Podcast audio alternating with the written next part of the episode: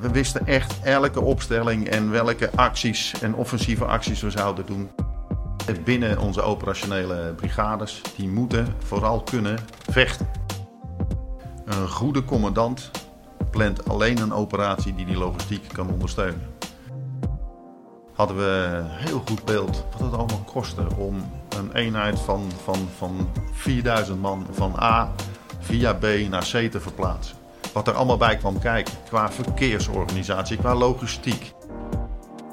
Dat dit hoofdkwartier continu bezig is om na te denken over het gevecht van morgen en overmorgen en wat daarvoor nodig is. Welkom bij mijn missie, de wekelijkse interviewserie van Landmacht FM. Mijn naam is Patrick Regan. De afgelopen maanden hebben veel gasten in deze podcast de term grootschalig conflict gebruikt. Van geneeskunde tot cavalerie en eh, lucht- en raketverdediging, het komt overal wel in voor. En eh, het Duits-Nederlands legerkorps in Münster heeft op dit conflict een heel bijzondere kijk. Als NAVO-hoofdkwartier zijn zij namelijk de aangewezen entiteit om in een dergelijk conflict de operatie aan het front te leiden. Eh, en om wat dieper in te gaan op dat grootschalig conflict, spreek ik vandaag met generaal-majoor Gerard Koot. Hij is de plaatsvervangend commandant van dat Duits-Nederlands legerkorps. Dus ik begin met welkom, generaal. Ja, goedemorgen.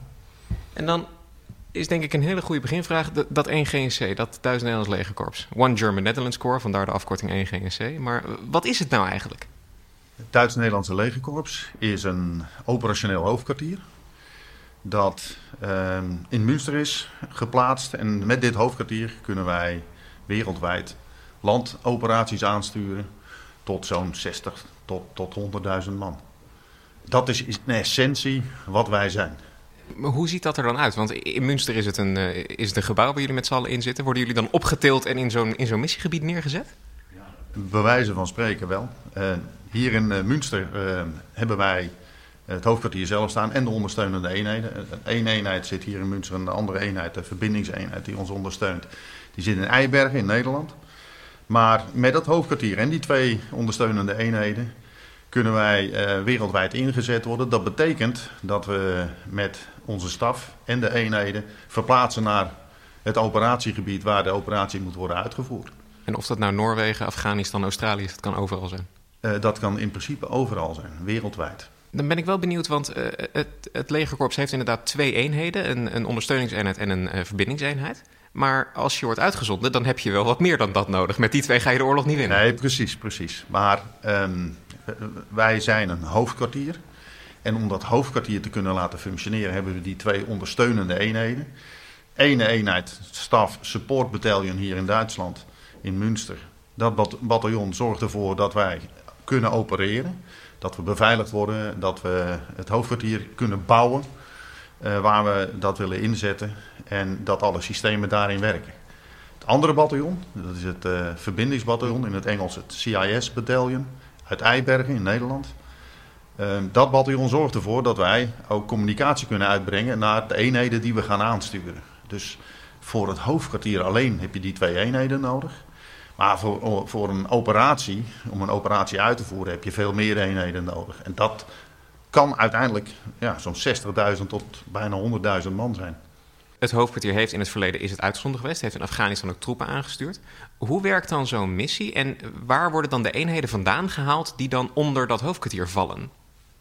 Nou, als je Afghanistan als voorbeeld uh, pakt, in 2003 is de eerste keer dat dit hoofdkwartier is ingezet om een leiding te geven aan een operatie. Dat was eigenlijk nog de periode in Afghanistan voordat de ISAF-operatie een NAVO-missie werd. Toen heeft dit hoofdkwartier uh, is ingezet al daar. En alle eenheden die de missie uitvoerden onder leiding van dit hoofdkwartier, dat waren eenheden die door uh, eigenlijk een multinationale vraag aan landen om bij te dragen aan deze internationale missie. Uh, daaruit zijn die eenheden naar voren gekomen. Landen leveren dan eenheden aan om die missie uit te kunnen voeren. En van tevoren bij de analyse van wat is er aan de hand in Afghanistan, wat, welk plan gaan we maken en wat hebben we daarvoor nodig aan eenheden. Op basis van die wat-vraag, hoeveel eenheden, gaan landen al dan niet inschrijven. En landen maken dus zelf een keuze om aan die operatie deel te nemen. En uh, dat is landen op dat niveau. Uh, in dit hoofdkwartier zelf leveren allerlei landen ook een bijdrage. Daar hangen hier twaalf vlaggen buiten. Ik ga ze niet allemaal uit mijn hoofd opnoemen. maar het is Duits-Nederlands legerkorps, twaalf vlaggen, heel veel nationaliteiten. Hoe, hoe zit dat precies? Ja, de naam is misschien een klein beetje verwarrend. Een Duits-Nederlands legerkorps. Maar dat heeft te maken met hoe wij zijn ontstaan. in 1995 is dit hoofdkwartier opgericht. En dit hoofdkwartier is ontstaan aan het einde van de Koude Oorlog. De Koude Oorlog was voorbij, 89, val van de muur. NAVO-landen hebben toen besloten om hun krijgsmachten kleiner te maken, hun landmachten kleiner te maken. Nederland en Duitsland hebben dat gedaan. Daaruit kwam naar voren dat met een kleinere krijgsmacht dat heel moeilijk was om uh, het, dat hoge dat tactische niveau voor het legerkorps, om dat in stand te houden. En beide landen hebben toen besloten, als we nu onze hoofdkwartieren die we nog hebben, legerkorps hoofdkwartieren, als we die samenvoegen, het eerste Duitse legerkorps en het eerste Nederlandse legerkorps, dan kunnen we gezamenlijk dat niveau nog in stand houden. En zo is eigenlijk het Duits-Nederlandse legerkorps ontstaan. Het samenvoegen van twee uh, legerkorpsen. En die staf uh, heeft zich verder doorontwikkeld. En een aantal landen hebben toen gezegd: wij willen graag aanhaken met officieren in ons hoofdkwartier. En zo zijn we uiteindelijk gegroeid naar een multinationaal hoofdkwartier. Waarin Duitsland en Nederland nog steeds de belangrijkste deelnemers zijn. De meeste mensen en middelen leveren. En daarnaast uh, zijn er tien andere landen die deelnemen binnen dit hoofdkwartier. En het Duits en Nederlands, de, de, functies zijn ook heel duidelijk verdeeld tussen die twee. Ik bedoel, u bent plaatsvervangend commandant, u bent een Nederlander. De commandant hier is uh, luitenant-generaal Mais, dat is een Duitser. Dat wisselt ook, klopt? Ja, um, daar, een aantal functies binnen dit hoofdkwartier die zijn toegewezen aan specifiek bepaalde landen. Dus niet alleen Duitsland en Nederland, maar door de jaren heen zijn ook andere landen die op vaste functies mensen leveren. Daarnaast hebben we nog een set functies, die, uh, daar kunnen landen vrijwillig op intekenen. En tussen Duitsland en Nederland is afgesproken dat een, een specifiek aantal functies altijd gekoppeld zijn aan het land wat op dat moment de leiding levert. We hebben sowieso afgesproken, elke drie jaar wisselt de commandant. Het is of een Duitse commandant zoals nu, generaal Mais, of het is een Nederlandse commandant. En als Duitsland de commandant levert, dan levert Nederland de plaatsvervangend commandant en de chefstaf. En nog een aantal andere functies, maar die drie key functies zijn op die manier verdeeld. Er, er, komen allerlei andere landen uh, nog bij. Dus ik neem aan dat het voor die landen misschien ook wel een bepaalde vorm van een prestige is... of een soort van leren van om een officier naar dit hoofdkwartier toe te sturen. Is, is het dan een goede uh, aanname dat het, het Duits-Nederlands legerkorps internationaal best wel aanzien heeft? Um, het zijn eigenlijk twee vragen. De, de, eerste, waarom is het belangrijk voor landen om deel te nemen aan een legerkorps hoofdkwartier? Ten eerste, een legerkorps hoofdkwartier is eigenlijk het hoogste tactische niveau om een uh, hoofdkwartier te hebben. Uh, dit, dit, hoofdkwartier stuurt dus in principe grote operaties aan. Dat is voor landen belangrijk om die, om die kennis in huis te hebben hoe dat werkt. Vandaar dat landen graag, die dat niet meer zelfstandig kunnen, zoals Duitsland uh, en Nederland eerder na, de, na de Koude Oorlog, dat landen zeggen, nou ik wil graag officieren en onderofficieren inbrengen in zo'n hoofdkwartier die die expertise heeft en verder doorontwikkelt. Dus dat is een reden waarom landen, Noorwegen is daar een goed voorbeeld van, nou, België, eh, Tsjechië en andere landen, eh, dat die zeggen wij willen graag in dit hoofdkwartier deelnemen om die kennis ook binnen onze officieren en onderofficieren op te bouwen en te onderhouden. Daarnaast, eh, door de jaren heen, heeft dit hoofdkwartier Um, hij heeft een voortrekkersrol gehad binnen NAVO. Um, dit hoofdkwartier heeft laten zien in missies in Afghanistan tot drie keer toe. Uh, dat wij uh, heel goed in staat zijn om grote operaties aan te sturen. Daarnaast ook binnen oefeningen binnen NAVO uh, laten we zien dat we een, een, goed functionerend hoofdkwartier zijn. En wij zijn bezig met het ontwikkelen van allerlei nieuwe concepten. Dat is interessant. En daarom zie je ook dat andere grote landen, zoals de Verenigde Staten, de Britten, uh, Frankrijk zeggen, nou, dit is een interessant hoofdkwartier. Ook hier willen wij uh, aan deelnemen. En zo zie je dus dat er verschillende redenen zijn voor landen om deel te nemen aan dit hoofdkwartier. Als het dan gaat om uh, inderdaad nieuwe concepten ontwikkelen over drie keer laten zien dat je zo'n troepenmacht goed aan kan sturen. wat maakt dan, en ik weet nu dat ik aan een slager vraag zijn eigen vlees te keuren, wat maakt dan dat het hoofdkwartier daar zo goed in is? Is dat misschien wel die Duits-Nederlandse samenwerking? Nou, ik denk dat Duits-Nederlandse samenwerking uh, sowieso heel, een hele succesvolle samenwerking is. Uh, door de jaren heen hebben we elkaar steeds beter leren kennen. En dan zien we dat onze manier van militair denken, dat dat heel dicht bij elkaar ligt. Dat we elkaars kracht gebruiken om ja, van 1 plus 1 niet 2 te maken, maar 1 plus 1 is 5 in ons geval. Dus dat, dat, daar ligt een, een, kracht van dit hoofdkwartier. Uh, daarnaast ook door de missies en, en ook vooruit te lopen als een van de eerste hoofdkwartieren die de NATO Response Force gingen aansturen.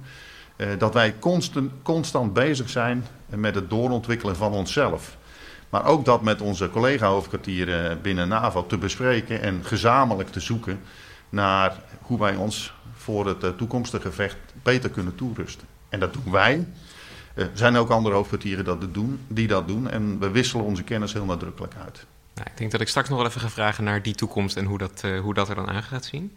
Um, maar even terug naar dat onderwerp waar we het over hebben vandaag, over dat grootschalig conflict. Want de term is heel vaak voorbijgekomen en eigenlijk de enige omschrijving die ik er dan van heb is heel veel troepen die met elkaar vechten. Uh, maar ik denk dat het wel wat verder gaat dan dat. Dus de hele simpele vraag, wat is het grootschalig conflict?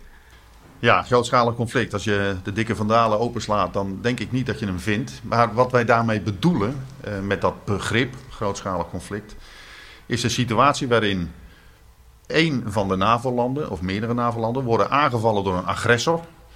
En binnen NAVO hebben we afgesproken, als die situatie zich voordoet, als een NAVO-lidstaat wordt aangevallen, dat dat wordt gezien als een aanval op alle NAVO-lidstaten. 29 lidstaten beschouwen dat een aanval als een aanval op zich.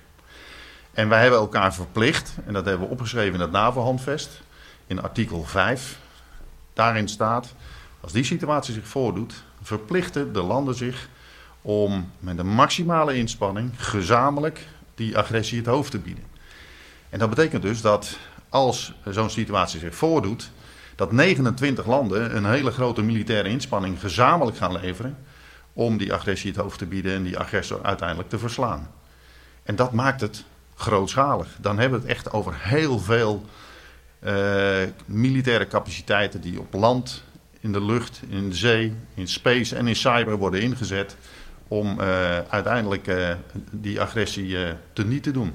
Maar daartegenover staat ook voor de agressor om die agressie dan uit te voeren, zal hij ook best wel een flinke troepenmacht hebben om dat in de eerste plaats überhaupt te doen. En dat is misschien ook die, de gevolgen ervan, zeg maar. Ja, ja dat is natuurlijk uh, zo dat, dat je de, de inspanning die NAVO levert, zal altijd gereflecteerd zijn in wat, wat die agressie inhoudt. En laten we heel concreet zijn. de dreiging die we nu heel reëel zien, is een, dreiging vanuit de Russische Federatie. En daar moet NAVO uh, voor in staat zijn om uiteindelijk die agressie te voorkomen door geloofwaardige afschrikking in stand te houden. En als het erop aankomt, uh, ook die afschrikking om te kunnen zetten in het kunnen vechten tegen een agressor. En ja, als, als daar grootschalig uh, wordt aangevallen, dan zullen we ook grootschalig moeten inzetten om die aanval terug te slaan. En dat, dat maakt het begrip grootschalig conflict. En dat is um, ja, inderdaad een praktisch voorbeeld. Maar dan ga ik hem toch vragen aan u als persoon, als mens. Dat, dat grootschalig conflict wat u nu omschrijft, inderdaad met een Russische dreiging. We zijn ons erop aan het voorbereiden. Maar zijn we ons nou echt op iets reëels aan het voorbereiden? Of zijn we ons aan het voorbereiden op iets wat eigenlijk toch nooit gaat gebeuren? Nou, we hopen dat laatste. En dat zal mede afhankelijk zijn van de realistische afschrikking die NAVO uh, naar voren kan brengen. Die NAVO duidelijk kan maken tegen welke agressor dan ook. Dat een agressor vijf keer nadenkt voordat hij agressie tegen NAVO-lidstaten eh, gaat richten. Um, die, die afschrikking, want dat is eigenlijk de kern waar het om draait. Je wilt voorkomen dat er een conflict ontstaat. En die agressie, militair gezien, um, bestaat eruit dat je je moet voorbereiden uh, op, op een dergelijk conflict. En dat betekent dat je moet zorgen dat je enerzijds mensen en middelen hebt. En anderzijds dat oefent en traint. En ook de plannen hebt. Mocht zich ergens een uh, conflict voordoen binnen het NAVO-gedragsgebied. Dat je daar snel op kunt reageren. En dat zul je regelmatig beoefenen, moeten beoefenen. Je noemde al de oefening Trident Juncture. Dat zijn oefeningen waarin we toch behoorlijk, met een behoorlijke omvang... Trident Juncture, meer dan 50.000 militairen betrokken... uh, als NAVO laten zien dat wij in staat zijn om snel te reageren op het moment dat zich ergens een vorm van agressie voordoet. Nou bent u zelf in 2012 uh, als speciaal adviseur van de civiel vertegenwoordiger van de NAVO-secretaris-generaal, een hele mond vol, daarom lees ik hem voor, bent u naar Afghanistan uitgezonden geweest. Afghanistan is denk ik bij uitstek een uh, voorbeeld van zo'n stabilisatieoperatie, iets wat we deden en waar we ons vroeger op voorbereiden. Nu hebben we dat, dat grootschalig conflict waar we ons op voorbereiden. Wat is nou het verschil tussen de twee? Nou, laat, ik, laat ik het illustreren aan uh, mijn eigen carrière. Ik ben in 1981 uh, ben ik de dienst ingegaan, om het zo te benoemen, naar de Koninklijke Militaire Academie voor mijn opleiding. En ik ben pelotonscommandant geworden van een tankpeloton Leopard 2. En ik werd geplaatst in Duitsland. Dat was ten tijde van de Koude Oorlog. En in de tijd van de Koude Oorlog stonden NAVO en Warschau-pact als twee militaire machten tegenover elkaar en hielden elkaar in balans. Dat heeft er uiteindelijk voor gezorgd dat er in Europa in die periode nooit een conflict is uitgebroken. En mijn opleiding was erop gericht dat ik als pelotonscommandant met mijn tankpeloton in een groter verband uiteindelijk kon vechten tegen een tegenstander die over vergelijkbare middelen beschikte. Daar was alles op gericht. Daar hadden we ook onze plannen voor gemaakt. We hadden toen de tijd, in de tijd van de Koude Oorlog, niet alleen Nederland, maar alle NAVO-lidstaten, hadden tot in het kleinste detail uitgewerkt. Als het fout gaat, hoe moeten we vechten? Waar moeten we vechten? Ik wist als pelotonscommandant exact welke opstellingen er allemaal waren in Duitsland. En dat beoefenden we regelmatig. En we gingen de plannen verkennen. En we stelden de plannen bij. Dat was de tijd van de Koude Oorlog. En dan was maar één focus. Voorkomen dat Warschau-pact NAVO binnenviel. En het stukje bos wat u moest verdedigen, dat wist u bij wijze van spreken als uw eigen achtertuin Ik kende elke boom ongeveer. Overdrijf ik niet, maar we, we, wisten echt elke opstelling en welke acties en offensieve acties we zouden doen. Dat was allemaal tot in het detail voorbereid. Nou, 89, muur valt. En de reactie daarop was dat enerzijds krijgsmachten werden afgebouwd, maar anderzijds dat ook de balans die er was tussen zeg maar, het Westen en, en, en Rusland, dat die wegviel. Maar met als gevolg dat er op allerlei plekken in de wereld uh, instabiliteit ontstond. En je zag toen de omslag dat we als krijgsmacht ons gingen focussen op zeg maar onze tweede hoofdtaak: bijdragen aan internationale rechtsorde. En toen kregen we missies, uh, zowel in Europa, de Balkan gehad, maar ook buiten Europa, waar het erom ging om weer vrede en stabiliteit terug te brengen in een crisisgebied. Waar NAVO niet een van de strijdende partijen was. En om dan bij mezelf te houden, als uh, commandant van een tankpeloton of later een tank-escadron, uh, moet je dus naar een hele andere rol toe. Want het ging er niet om om alleen maar te kunnen vechten met je tanks. Je moest veel meer vaardigheden hebben en veel meer skills hebben om effectief strijdende partijen uit elkaar te halen en uiteindelijk te bewegen tot een dialoog in plaats van tot een conflict. En dat veranderde ook de manier waarop we oefenden, trainden en ook hoe we onze mensen opleiden. En dat is eigenlijk de afgelopen 30 jaar grofweg zo'n beetje uh, gebleven. Dat was de focus, want Rusland werd gezien als een, als een partner. Ja, en dat is vanaf 2008 langzaam gaan veranderen. 2008, Russische inval in Georgië. In 2014 culmineerde het in de, de Oekraïne en uiteindelijk de illegale annexatie van de Krim. En dat was ook wel een kantelpunt, waar, wat, wat betekende voor NAVO dat die partner die we dachten te hebben in Rusland, dat die toch behoorlijk agressief kon zijn. En weer een nieuwe dreiging betekende voor de NAVO-verdragslanden.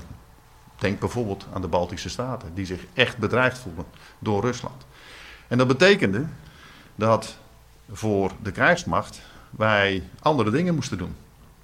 En wij moesten dus in staat zijn zowel uh, missies als uh, Afghanistan te kunnen blijven doen, als dat we weer dat grootschalige conflict zouden moeten kunnen voeren als het erop aankwam. Dus we hebben nu eigenlijk twee uh, focusgebieden. Vechten, artikel 5, grootschalig conflict. En doorgaan met vredesoperaties, stabilisatieoperaties wereldwijd. En mijn periode in, in Afghanistan, dat was uh, in, in 2012 en 2013. De laatste keer in ieder geval. Ja, zat je echt in die vredesoperatie. Was je met hele andere dingen bezig. Was je met het opbouwen van een land bezig. Met partijen tot elkaar te brengen. en dat is totaal iets anders dan, ja, laat ik het maar in het Engels zeggen, warfighting. Is het dan ook. Um, het, het, klinkt een beetje alsof we uh, ooit van de soldaat vroegen om echt een, een nou ja, vechtmachine misschien wel te zijn. Iemand die uh, inderdaad de tegenstander tegenhoudt. Toen moest de soldaat opeens een diplomaat worden. En nu moet hij alle twee zijn eigenlijk tegelijk. Een soort van twee petten spel. Ja, precies. Alleen de soldaat, dat moet je wel op de verschillende niveaus zien. Kijk, de, de, het, het tankpeloton, het infanteriepeloton, al die, eh, die eenheden binnen onze operationele brigades, die moeten vooral kunnen vechten. Daarnaast uh, zie je op het, het niveau van compagnie en bataljon en hoger, dat in het kader van vredesoperaties er allerlei skills bij komen. Maar uiteindelijk moet die individuele soldaat wel kunnen schakelen. Dat als hij in een, in, in, in een artikel 5 scenario komt, dat het dan echt gaat om warfighting, en, en, en, en vechten. En wanneer hij in een uh, stabilisatieoperatie komt, dat hij dat moet kunnen, want dat is de basis waarop hij werkt. Maar tegelijkertijd ook rekening moet houden met allerlei andere factoren die in een, in een, in een oorlog een veel kleinere rol spelen. Dus ja, uh, iedereen moet kunnen schakelen. Maar de basis blijft wel dat wij als landmacht moeten kunnen vechten. In een eerdere aflevering van de podcast heb ik met de civil advisor van het Duits Nederlands Legerkorps gesproken. Die heb ik toen geïnterviewd over oefening Common Effort. Waarin eigenlijk naar voren kwam dat het Duits Nederlands Legerkorps heel erg uh, samenwerkt met uh, uh, civiele instanties. om ze in, dat, in zo'n missiegebied, met name bij stabilisatieoperaties, te integreren en goed samen te kunnen werken. zodat je ook de humanitaire kant van de operatie goed kan doen verandert die rol ook in zo'n grootschalig conflict? Of laat je dan al die civiele instanties helemaal links liggen en komt dat later wel? Uh, nee, die laat je zeker niet uh, links liggen. We weten dat uh, welke vorm van conflict dan ook, die, een conflict kun je niet alleen met militaire middelen oplossen. Ook een grootschalig conflict vereist niet alleen de inzet van militairen, maar ook van allerlei andere middelen. En daarnaast, wanneer je die operatie uitvoert, voer je die altijd uit in een operationele omgeving of in, uh, in een civiele omgeving. er zijn nog steeds steden waar mensen lopen, uh, wonen. Uh, er is een omgeving die civiel moet blijven draaien. En daarbinnen moet jij je operatie uitvoeren. Dus je hebt altijd te maken met allerlei verschillende spelers die je mee moet nemen in het nadenken over de uitvoering van jouw plannen. Dus zo'n oefening als Common Effort. En Common Effort is een jaarlijkse oefening geleid door dit hoofdkwartier samen met ministerie van Buitenlandse Zaken, zowel in Den Haag als in Berlijn. En uh, meer dan 50 partners, uh, civiele uh, organisaties, AIO's, NGO's, die nadenken over hoe je gezamenlijk conflicten oplost. En dat blijft dus ook in artikel 5 scenario's onverminderd van kracht. Het zal wel anders zijn dan in een stabilisatieoperatie. Maar je hebt die spelers nog steeds nodig. En daar denk ik ook als je het hebt over voortrekkersrol van dit hoofdkwartier, daar zijn we ook absoluut een voortrekker in. Zeker binnen NAVO uh, stoppen wij hier heel veel effort in, common effort. En laten wij zien uh, dat het zo cruciaal is om die, die netwerken in stand uh, te houden en samen met elkaar na te denken over potentiële crisis. dat op het moment dat het erop aankomt, dat je ook een staatnetwerk hebt en dat je elkaar weet te vinden. En dat je met elkaar vooraf al over zaken hebt nagedacht. En daarom houden wij die oefening elk jaar. De ene keer in Berlijn, de andere keer in Den Haag. Uh, dit jaar zal die in uh, Den Haag plaatsvinden. En ja, dan zie je nog steeds dat ook alle andere spelers die rol erkennen. Die, um, uh, zeg maar de troepenmacht die in een artikel 5-operatie zijn werk moet doen, die dat gevecht moet gaan voeren. Wat is er kenmerkend voor zo'n troepenmacht? Wat heeft hij nodig? En misschien ook wel ten opzichte van zo'n stabilisatieoperatie? Um, ja, stabilisatieoperaties. Um, laat ik Afghanistan dan als voorbeeld pakken. Uh, ook mijn eerste uh, inzet in Afghanistan, dat was in, uh, in Uruzgan. Um, in Uruzgan ging het erom dat we de lokale autoriteiten in staat stelden om fatsoenlijk bestuur over die provincie uit te voeren. En uh, de randvoorwaarden creëren voor een stuk veiligheid en stabiliteit voor de mensen die er wonen. En de tegenstander was Taliban en ook andere, meer criminele organisaties die eigen belangen hadden, vooral in de drugsindustrie. En ehm, daar, de operatie die je daar deed was dus kleinschaliger. Het was meer gefocust. Ehm, Nederland had zijn eigen provincie. En in die provincie, vooral met Nederlandse middelen, op de grond werd voornamelijk geopereerd. En ehm, daar was het niet zozeer dat we uh, grootschalig elke dag het gevecht aangingen met Taliban en anderen. Nee, dat vond regelmatig plaats, kleinschalig. Maar het ging er met name om in dialoog met lokale autoriteiten te zorgen dat er een beter bestuur kwam. En ook de operatie aan zich, ja, we maakten gebruik van luchtsteun, maar dat was relatief beperkt. Als je dan kijkt naar een gevechtsoperatie, laten we het artikel 5 noemen, en uh, we hebben het over het verdedigen van het NAVO-grondgebied, dan, dan komt er een heel ander mechanisme naar voren toe. Dan uh, moet de landmacht in staat zijn om een heel complex gevecht op vele fronten, met heel veel middelen, zowel het gevecht van de brigade als het diepe gevecht tot 300, 400 kilometer diep, uh, dat moeten we kunnen voeren met niet alleen landmiddelen, maar ook met luchtsteun, zelfs uh, met ondersteuning vanuit uh, zee. Maar ook in het cyberdomein, in het space domein, al die zaken gecombineerd, gesynchroniseerd, op elkaar afgestemd, moet je als land eenheid kunnen inzetten om uiteindelijk dat gevecht te kunnen beslissen. Dat is vele malen complexer. De dynamiek is ook vele malen hoger dan in een vredesoperatie of een stabilisatieoperatie. We hebben uh, inderdaad, u zei het al, gelukkig nog nooit uh, zo'n zo grootschalig conflict uh, in de moderne tijd hoeven uitvechten. Dus heb ik zitten nadenken van hoe gaan we dat dan een beetje praktisch maken. Want het moet toch een, klein beetje ja, een, herkenbaar zijn. En ik denk dat het dichtst bij uh, wat je komt zijn de oefeningen die het, het legerkorps dan doet.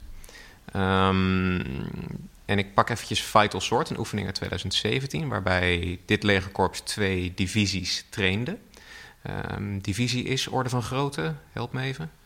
Een divisie zit tussen de 20 en de 30.000 man globaal. Een grote, een grote troepenmacht kan je wel noemen. Ja. ja. Um, voordat ik daar wat, wat uh, lessons learned, heet dat dan in, in militaire termen, uh, bij pak. Zo'n oefening, hoe gaat dat in zijn werk? Want het is niet alsof dan alle militairen ook echt door het veld heen rennen. Dat kan ook. Um, we hebben verschillende type oefeningen.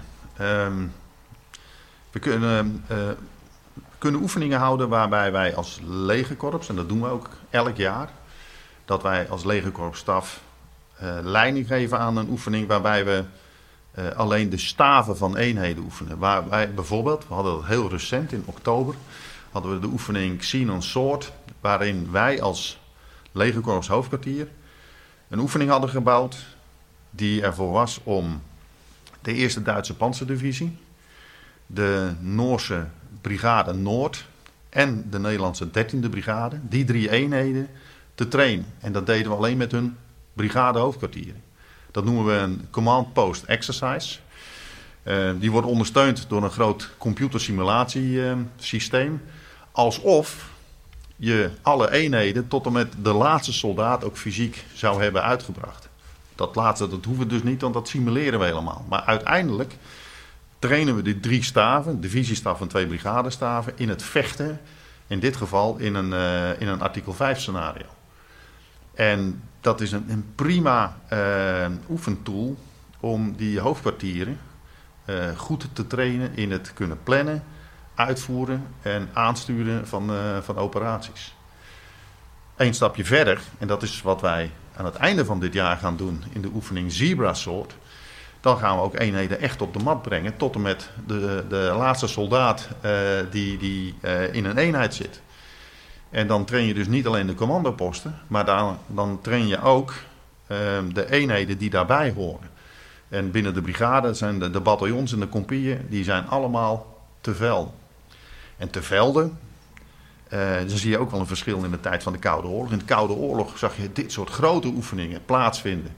Waarbij eigenlijk heel Duitsland het oefenterrein was. Ook in de steden en daarbuiten werd geoefend. Nou, die tijd is wel achter ons. Nu zullen we ons voornamelijk richten op de grotere oefenterreinen. Maar proberen we wel om tussen die oefenterreinen in, in, ik zal maar zeggen, in de openbare ruimte gebruik te maken, op zijn minst om daar de verplaatsingen et cetera te beoefenen. Want we willen eenheden ook confronteren met reële tijd-ruimtefactoren, zoals we dat noemen. Wat kost het om een eenheid van A naar B te verplaatsen? Wat komt er allemaal bij kijken? Dat willen we realistisch kunnen beoefenen. Dus dat stoppen we in dat soort oefeningen. En als we het dan hebben over zoiets als een, een tijd-ruimtefactor. Eh, hoe moeilijk is het om nu, nu dat we 30 jaar met andere soort operaties bezig zijn geweest, weten we eigenlijk nog wel hoe dat soort dingen werken? We moeten het weer opnieuw uitvinden. Uh, ten tijde van de Koude Oorlog hadden we een heel goed beeld wat het allemaal kostte om een eenheid van, van, van 4000 man van A via B naar C te verplaatsen. Wat er allemaal bij kwam kijken qua verkeersorganisatie, qua logistiek, eh, qua ondersteuning, qua verbindingen, et cetera. Eh, doordat we dat de afgelopen 30 jaar eh, niet meer in een, grote schaal, op, op grote schaal hebben beoefend, moeten we dat weer opnieuw uitvinden. En je kunt niet zeggen, nou, maar dat was hetzelfde als in de Koude Oorlog, omdat we nieuwe systemen hebben. Verbindingen die veel sneller zijn en veel meer data kunnen verwerken. Dus een aantal dingen kunnen we veel sneller dan dat we dat toen konden. Dus dat moeten we opnieuw uitvinden. En dat simuleer je in de computer. Maar uiteindelijk de realiteit is toch altijd verschillend. In de computer rijdt het enkele voertuig nooit fout. Want je geeft een opdracht aan de computer om van A naar B te gaan. Dat gaat over het algemeen feilloos. En dan pakken ze reële uh, uh, tijden daarvoor. in de praktijk plan je ook op die tijden, maar ga je zien dat die ene pelotonscommandant waar die linksaf moest, toch een kaartleesfoutje maakt en rechtsaf gaat. Kortom, je hebt beide nodig om te zorgen dat je bij zo'n grootschalig conflict, met al die complexiteit die daarbij komt kijken, in staat bent om dat soort operaties goed aan te sturen en uit te voeren. Ik citeer even een stuk uit een van die lessons learned uit een oefening in 2017. Um, dat is dus een geleerde les, iets, een probleem waar we toen tegenaan liepen. Met een snel bewegende tegenstander die zich verspreidt over een grote area of responsibility, dus een gebied waarover die tegenstander verantwoordelijk is dan, neem ik aan, moeten we onze besluitvorming omzetten van dagen naar uren. Nou, daar komt volgens mij het legerkorps om de hoek kijken. Ja, nou, die besluitvorming speelt op alle niveaus natuurlijk. Dat, dat, het legerkorps, die kijkt ver vooruit. Omdat wij, je kunt je voorstellen, als wij eh, een eenheid van 60 tot 100.000 man aansturen, eh, wil je voorkomen dat dat legerkorps elke vijf uur een heel ander besluit neemt. Dus dat legerkorps moet in zijn grote plan veel verder vooruit kijken. Wij kijken eh, vier, vijf, zes dagen vooruit. Um, die divisie of de visies die onder dat legerkorps uh, zitten en, en de uitvoering eh, van de operatie doen, die zitten in een kortere cyclus. Die kijken ongeveer een dag of vier vooruit. En de brigade die daar weer onder hangt, zit weer in een kortere cyclus. En uiteindelijk, de, de bataljons moeten in staat zijn om inderdaad binnen uh, een beperkt aantal uren het, uh, het, het, plan uh, te maken, dan wel het plan aan te passen of de uitvoering aan te passen. En zeker de uitvoering aanpassen moet nog sneller kunnen. Dus je ziet op de verschillende niveaus dat je snel tot besluiten moet komen. En dat is ook een groot verschil met uh, vredesoperaties, stabilisatieoperaties. Daar, maak, daar heb je veel meer tijd. Daar is de dynamiek heel anders. Dan heb je niet een tegenstander die over een groot front heel dynamisch optreedt. Nee, dat is allemaal lokaal. En dat is een groot onderscheid. Dat moeten we sneller kunnen. Dat, uh, dat plan en dat, dat zoveel dagen vooruitkijken. Ik, ik ga ervan uit dat er niet op dit niveau, want het zijn 300 militairen die dan echt dat, dat plan zeg maar maken. Ik ga ervan uit dat niet op dit niveau wordt bepaald welke soldaat waar naartoe gaat rennen. Hoe, ziet zo'n plan eruit? De legerkorpsstaf maakt een plan. En dat plan is weer gebaseerd op de opdracht die wij uh, van ons hoger niveau krijgen. En dan hebben we het echt over het NAVO-niveau. Dan hebben we het over bijvoorbeeld het Joint Force Command Brunsum, als dat ons hoger niveau is. Die maken dat grote strategische plan. In de uitvoering van dat plan heeft dit legerkorps een bepaalde taak. Wij maken daar dat plan op. En uh, op basis uh, daarvan denken wij na hoe wij met de middelen die we hebben, dan hebben we het niet over de losse bataljons, maar dan kijken we naar het niveau brigade en divisie. Wij maken daar een plan voor.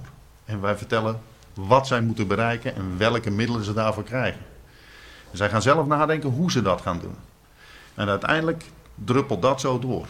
De divisie maakt plannen voor de brigades die onder hen vallen.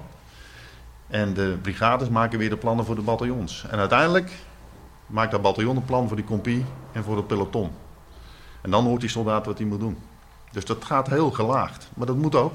Want je moet van een, een, een, een, een, operationeel wat grover plan uiteindelijk naar een heel gedetailleerd plan om te vertellen waar dat peloton nou precies op aan moet vallen. En of ze dat links om de brug of rechts om de brug moeten doen. Dat doet het legerkorps niet. En richting die divisie is het dan niet een opmerking van: oké, divisie, jullie gaan nu zes kilometer vooruit. De opmerking is: jullie moeten een brug innemen of jullie moeten weet ik veel wat. Nou, wij proberen in onze plannen vooral te vertellen welke effecten een, in, in dit geval niveau onder ons, de divisies, moeten behalen. En wij vertellen hen uh, dat wij willen dat zij de vijand uh, in een bepaald gebied uh, uiteindelijk moeten afstoppen. En die vijand dusdanig moeten afstoppen dat de wil van de vijand om verder te vechten volledig verdwijnt. En daar krijgen ze een aantal randvoorwaarden bij. En vervolgens gaat die divisie nadenken: hoe moet ik dat nou precies doen? En dan vertellen we wel of we dat middels een aanvallend gevecht willen doen, of via een verdedigend of vertragend gevecht. Maar uiteindelijk hoe, dat bepaalt de eenheid zelf. Het is dus eigenlijk heel veel vrijheid die zo'n eenheid krijgt. Die krijgt binnen bepaalde randvoorwaarden vrijheid. Want uh, hij moet altijd rekening houden met de andere eenheden die om, zich om hem heen uh, zitten. Moet rekening houden met de afstemming met bijvoorbeeld het inzet van lucht, uh, luchtwapen en andere inzet. Maar je probeert zoveel mogelijk vrijheid te geven aan de commandanten die het moeten uit, uitvoeren. Vooral niet vertellen hoe ze het moeten doen, maar vooral vertellen welk effect en wat ze moeten doen. Ik wil een, een zijstap maken die misschien voor dit hoofdkwartier wel heel boeiend is, juist omdat het uh, multinationaal is en uh, uh, ook veel met communicatie bezig is. Interoperabiliteit is cruciaal, dit zijn weer die lessons learned. op technisch gebied, in onze procedures en op menselijk niveau. Sommige militairen hadden drie computers op hun bureau staan om informatie van één systeem in het andere over te zetten. De human interface, zo omschreef toenmalig commandant generaal van der Laan het. Ja, interoperabiliteit. Dat is best wel lastig als je met zoveel landen samenwerkt. Ja, absoluut. Uh, interoperabiliteit wil zeggen dat je met elkaar uh, heel goed en naadloos kunt samenwerken om gezamenlijk een bepaalde uh, opdracht uit te voeren. Dat begint al met dat je op dezelfde manier over vechten moet nadenken. Doctrine. Dat hebben we binnen NAVO goed geregeld. Uh, we hebben NAVO-doctrines en landen ontwikkelen hun eigen doctrines op basis daarvan. Dat sluit altijd aan. Er zijn best wel wat kleine verschillen. Maar doctrinair spreken we dezelfde taal. En zeker Duitsland en Nederland, die doen heel, heel veel, heel nadrukkelijk samen. Ze zijn nu ook bezig om samen nieuwe concepten te ontwikkelen. Maar dat is, daar begint het dus bij. Dat je dezelfde militaire taal spreekt. Maar uiteindelijk moet het ook zo zijn dat als ik diezelfde militaire taal spreek, dat ik dat ook via mijn verbindingssystemen aan elkaar kan duidelijk maken op het moment dat ik een operatie aanstuur. En dan gaat het niet alleen over het via de radio een bevel geven om aan te vallen of te verdedigen. Maar ook alle data die daarbij hoort. We hebben alle landen hebben uh, tegenwoordig battlefield management systemen. Waarin je precies ziet welke eenheden waar zitten. Waarin je je bevelen die je vroeger uh, helemaal uitschreef. Dat je die helemaal digitaal tot het laagste niveau uh, kunt uitdelen. Maar je wilt wel zorgen dat dat naadloos met elkaar communiceert. Nou, en daar zie je dat zeker de afgelopen 30 jaar toen alle landen zich concentreerden op vredesoperaties, ieder land zijn eigen systeem heeft ontwikkeld. En dat we nu die systemen aan elkaar willen koppelen. En dat werkt zeker niet altijd naadloos. Dat betekent vaak dat, dat je een technische eh, interface ertussen moet zetten om te zorgen dat de data die ik in een Nederlands systeem heb, ook in een Duits systeem krijg. Mooi nieuws daarbij is wel dat Duitsland-Nederland door die innige samenwerking van de beide landmachten. Dat Duitsland en Nederland nu bezig zijn om de vervanging van onze radio- en IT-systemen daaraan gekoppeld, om dat gezamenlijk op te lopen. Er komt één Duits-Nederlands nieuw systeem. En dan hebben we dat probleem in ieder geval tussen deze twee landen voor 100% opgelost. Maar daar moeten we nog stappen in zetten. Dat geldt NAVO breed. Dan ga ik als laatste eh, in dit kader nog even vragen naar uh, logistiek. logistiek is best wel een belangrijk dingetje, in, zeker in een grootschalig conflict. Want er moeten opeens heel veel troepen heel snel naar nou ja, misschien het, het, oosten van Europa. En ook dat, Europa, zijn heel veel landen, heel veel grenzen, heel veel moeilijke, moeilijkheden. Is dat hoofdpijn veroorzakend voor zo'n hoofdkwartier? Um, logistiek is absoluut belangrijk. Een, een goede commandant plant alleen een operatie die die logistiek kan ondersteunen. Als je een operatie plant die je logistiek niet kunt ondersteunen, dan, dan leidt dat tot niets. Dus je logistiek bepaalt uiteindelijk de, de, de polstok van uh, uh, de militaire operatie. Dat betekent, in, als je nadenkt over artikel 5, dat als, als we ervan uitgaan dat de agressie uit het oosten komt, dat je eenheden snel naar het oosten moet kunnen verplaatsen. En niet alleen de eenheden, maar ook alle voorraden die daarbij horen. Dan heb ik het over munitie, dan heb ik het over brandstof, dan heb ik het over medische voorraden, over reservedelen. Al dat soort middelen die een, een, een, een militaire eenheid in staat stellen om te vechten en te blijven vechten. Dat moet je allemaal verplaatsen van wat je nu in Nederland hebt liggen, in ons geval, naar uiteindelijk daar waar de inzet plaatsvindt. In de Koude Oorlog hadden we dat helemaal ingeregeld. Uh, wat ik al vertelde, in de Koude Oorlog hadden we onze plannen gemaakt uh, hoe we moesten verdedigen. En elke pelotonscommandant kende elke opstelling. Maar we hadden ook alle voorraden al in Duitsland in bunkers opgeslagen. Dat lag er allemaal al. Kost natuurlijk heel veel geld. Maar dat hadden we toen allemaal geregeld. Nou, dat hebben we nu niet meer. Dus je moet nu nadenken over hoe kun je nu snel in staat zijn om niet alleen een eenheid, maar ook alle ondersteuning die erbij hoort aan voorraden, zo snel mogelijk naar een inzetgebied te brengen. En dat betekent dat daar waar we in het verleden, in de Koude Oorlog, heel makkelijk van Nederland naar, ik noem maar wat, uh, de ijzeren grens konden rijden, zonder allerlei moeilijke formaliteiten, ja, dat zijn we kwijt. En daarom zie je ook dat we nu aan nadenken zijn en aan het inregelen zijn dat die eenvoudige uh, administratieve last dat we dat terugbrengen. En dat we weer simpel een, uh, spullen van Nederland naar in dit geval bijvoorbeeld Litouwen kunnen brengen. Dat je niet aanvragen moet doen die zoveel weken duren per land. En dat je uiteindelijk twee maanden verder bent voordat je je spulletjes van Nederland naar Litouwen hebt gebracht. Nou, daar zie je dat NAVO heel snel aan het leren is. En dat we met de landen aan tafel zitten om daar weer snelle procedures voor te maken. Als een voorbeeld. Misschien hebben we het, hebben we het al aangehaald in het gesprek, maar als uh, ja, leidinggevende van zo'n hoofdkwartier, als plaatsvervangend commandant, wat is in het kader van dat grootschalig conflict volgens u nou de grootste uitdaging? Ik kan misschien zeggen waar ligt u s'nachts wakker van, maar dat gaat misschien iets te ver. Nou, ik slaap s'nachts nog erg goed. Waar liggen onze uitdagingen? Nou, onze uitdagingen liggen met name, denk ik, en dat is niet alleen Nederland, maar dat, dat geldt NAVO breed om uh, de middelen die we hebben uh, weer zo dusdanig sterk te maken dat we die geloofwaardige afschrikking en de capaciteit die daarbij hoort om langdurig te kunnen vechten, om dat weer terug te krijgen.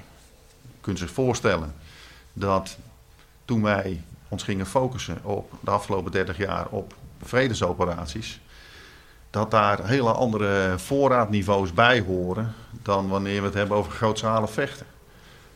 Eenvoudig, munitie. Ik heb in een vredesoperatie veel minder munitie, minder munitie nodig dan in een, in een eh, artikel 5 grootschalig conflict situatie.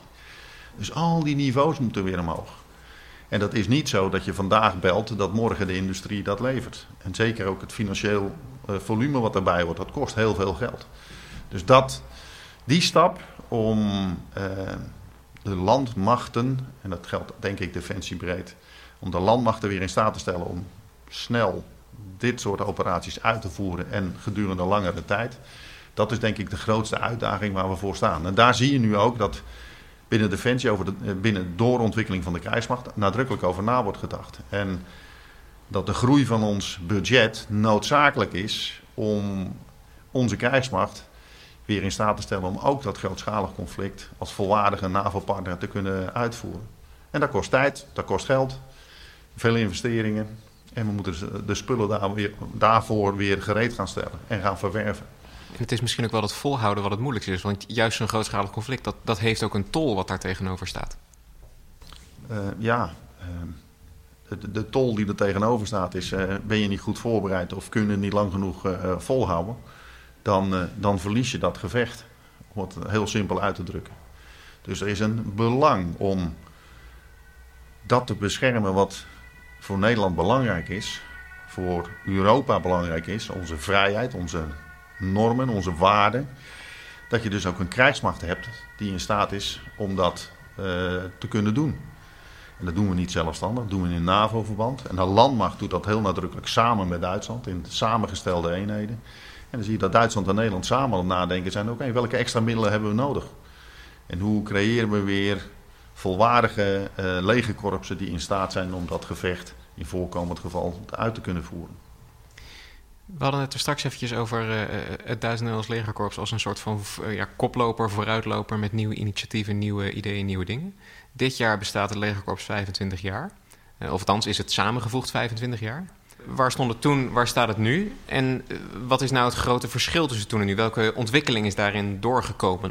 Ja, 1995, vlak na de het einde van de Koude Oorlog was de focus uh, van NAVO en dus ook van dit hoofdkwartier op het kunnen aansturen van stabilisatieoperaties, vredesoperaties wereldwijd.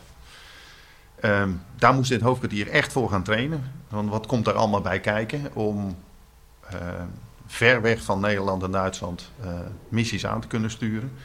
In een omgeving waar je geen deel van het conflict bent, maar wel bij moet dragen aan de oplossing van het conflict. En dat is zoals het legerkorps uh, in 1995 is gestart. En mijn eerste plaatsing hier bij dit hoofdkwartier was in 2005. En toen, werden wij, uh, toen, toen was NAVO al bezig met het nadenken uh, over een, een snelle reactiemacht van de NAVO, de NATO Response Force. En daar zag je al dat we aan het nadenken waren hoe wij als hoofdkwartier snel met daarvoor aangewezen eenheden nog steeds wereldwijd, maar ook in het kader van artikel 5, ingezet zouden kunnen worden om een crisis het hoofd te bieden. Dat, daar lag het accent al meer op het kunnen vechten. En als ik kijk waar we nu staan, de afgelopen jaren uh, die switch gemaakt uh, dat artikel 5 weer de focus krijgt die ze moet hebben, omdat er een nieuwe dreiging is ontstaan. heeft dit hoofdkwartier, is dit hoofdkwartier aan het nadenken gegaan hoe moeten wij ons organiseren om gevechtsoperatie van zo'n grote omvang aan te sturen. En daarmee zie je eigenlijk de ontwikkeling door die 25 jaar van dit hoofdkwartier, dat in, in elke periode dit hoofdkwartier zijn eigen unieke waarde heeft gehad. Vredesoperaties, nou dat hebben we ook gedaan, ISAF. Uh, drie keer toe.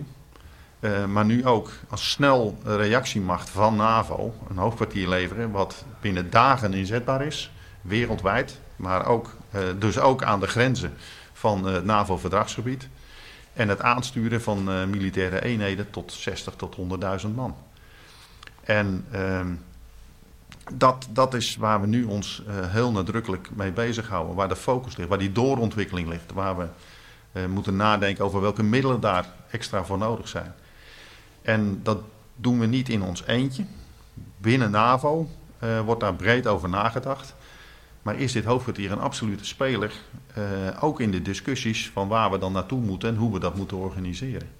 En zo zie je dus dat dat, dat hoofdkwartier de afgelopen 25 jaar ook mee bewogen heeft in de ontwikkelingen die er uh, op veiligheidsgebied in en buiten Europa plaatsvonden. Waar gaan we nou naartoe? Waar zijn jullie naar aan het kijken? Wat, wat, wat zien we voor dingen in de misschien wel nabije of verre toekomst? Heel recent hebben we een seminar georganiseerd samen met uh, onze Duitse collega's. En dan hadden we in Nederland 100 Duitse en Nederlandse generaals en kolonels, echt de, de top van beide landmachten, bijeen. Om na te denken over de ontwikkeling van de, ons beide landmachten. Uh, en, en, hoe stellen wij ons gereed voor het conflict van morgen en overmorgen? Wat komt er allemaal bij kijken? Nou, dat soort ideeën, het creëren van dat soort ideeën, is denk ik een van de, de sterke kanten van dit hoofdkwartier. Daar zijn we heel nadrukkelijk mee bezig. Dat doen we niet alleen in Duits-Nederlands verband. We doen dat ook in NAVO-verband.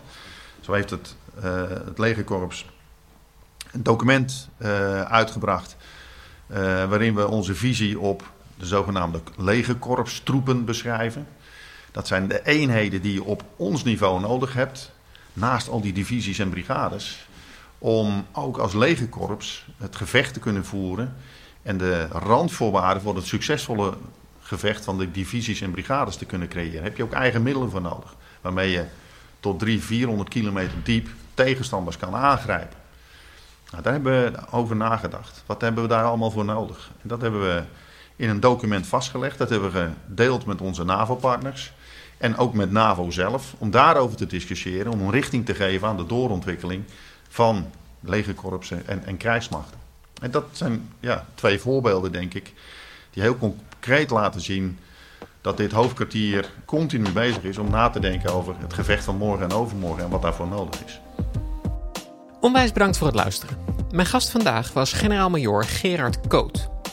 Ben je nou fan van de show? Help ons door een review achter te laten op Apple Podcasts of Stitcher.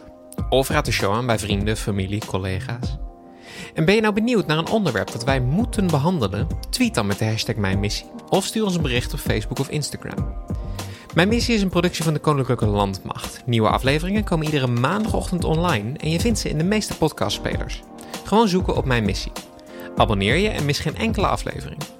Je volgt de Koninklijke Landmacht via Twitter, Instagram, Facebook en YouTube en check defensie.nl voor het laatste nieuws rondom de krijgsmacht. Nogmaals, onwijs bedankt voor het luisteren en tot volgende week.